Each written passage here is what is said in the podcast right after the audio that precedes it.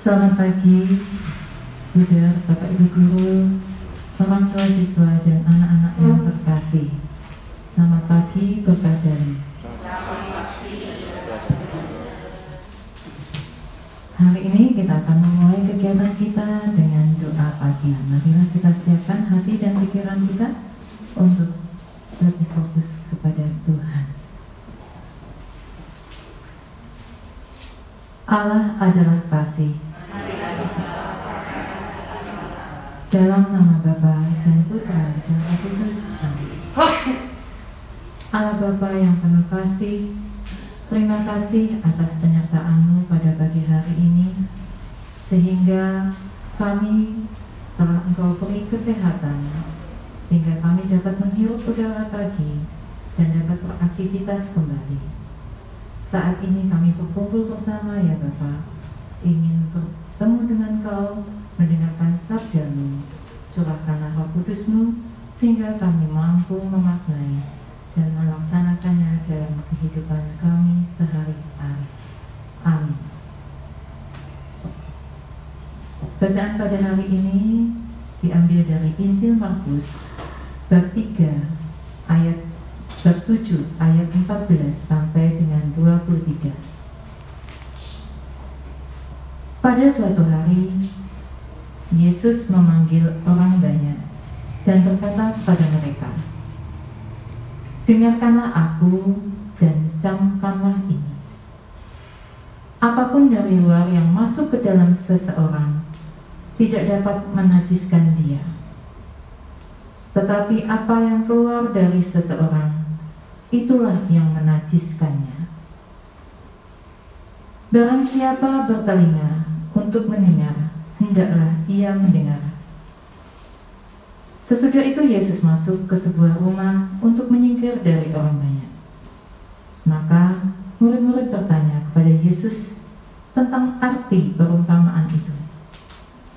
Yesus menjawab, Apakah kamu juga tidak dapat memahaminya?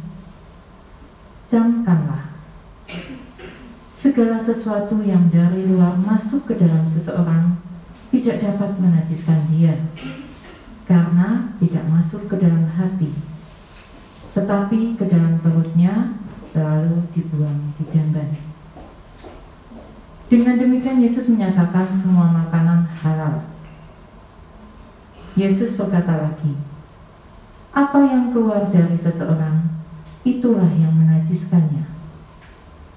Sebab dari dalam hati orang timbul segala pikiran jahat, persinaan, perserakahan, keserakahan, kejahatan, kelicikan, hawa nafsu, iri hati, hujat, kesombongan, kebebalan.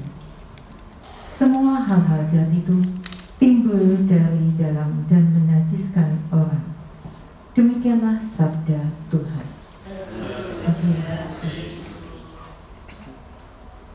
Udah Bapak Ibu Guru, orang tua siswa dan anak-anak yang terkasih Hari ini Yesus mengajak kita untuk berpikir dan bertindak dengan benar dan tepat. Tuhan Yesus menekankan bahwa yang lebih penting itu kualitas kemurnian hati dan batin kita yang bersih bukan mempersoalkan apakah makanan yang masuk ke mulut, ke mulut kita itu haram atau halal. Rupanya masalah aturan haram dan halal itu sudah lama sekali dikenal dalam masyarakat Yahudi. Aturan itu dianggap sakral karena berasal dari Allah. Namun Tuhan Yesus meluruskan pemahaman tentang haram dan halal ini. Bagi Yesus, segala sesuatu yang diciptakan Allah itu baik adanya. Baginya, segala makanan yang kita makan itu juga tidak membuat kita berdosa, karena makanan itu haram. Dosa adalah sesuatu yang datang dari dalam hati dan pikiran manusia yang jahat, bukan akibat makan atau minum sesuatu yang haram. Perhatikan penegasan Yesus dari ayat apa pun dari luar yang masuk ke dalam seseorang tidak dapat menajiskannya, tetapi apa yang keluar dari seseorang itulah yang menajiskannya. Sebab dari dalam, dari hati orang timbul segala pikiran jahat, percabulan, pencurian, pemburuan, pembunuhan, persinahan, keserakahan, kejahatan, kelicikan, hawa nafsu, iri hati, hujat, kesombongan, kebebanan. Semua hal-hal jahat itu timbul dari dalam dan menajiskan orang. Membangun kekuatan iman dan moral dalam hati dan batin akan menjadi benteng yang kokoh dalam setiap pribadi. Apa pun yang terjadi di dunia ini dengan segala godaan dan iming-iming yang ditawarkan kepada manusia tak akan mampu menggoyahkan iman dan moralitas orang-orang yang memiliki kekuatan batin dari dalam dirinya. Dalam arti itulah firman Tuhan kita pahami. Jadi masalah haram dan halal jangan terpaku pada hal-hal jasmani semata. Sementara hati dan batin yang menjadi sumber pokoknya terabaikan. Akan terapuhlah pribadi manusia kalau hanya membangun benteng fisik saja, sedangkan iman dan moralitasnya terpuruk. Marilah kita camkan benar firman Tuhan hari ini.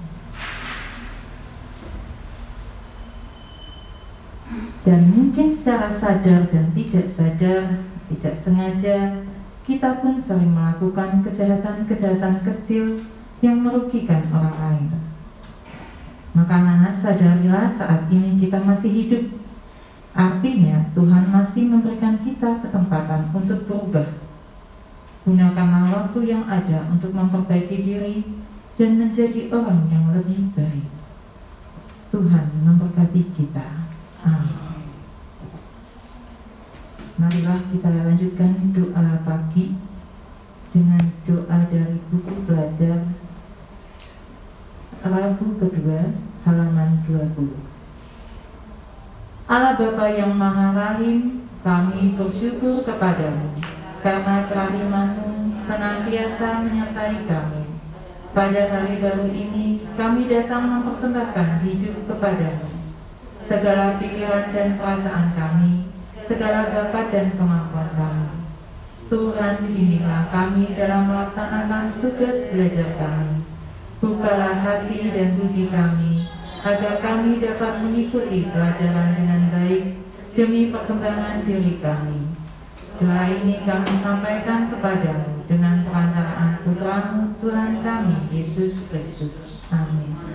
Allah Bapa yang penuh kasih, kami juga berdoa untuk kegiatan kami pada hari ini, pelaksanaan vaksin kedua pada hari kedua ini.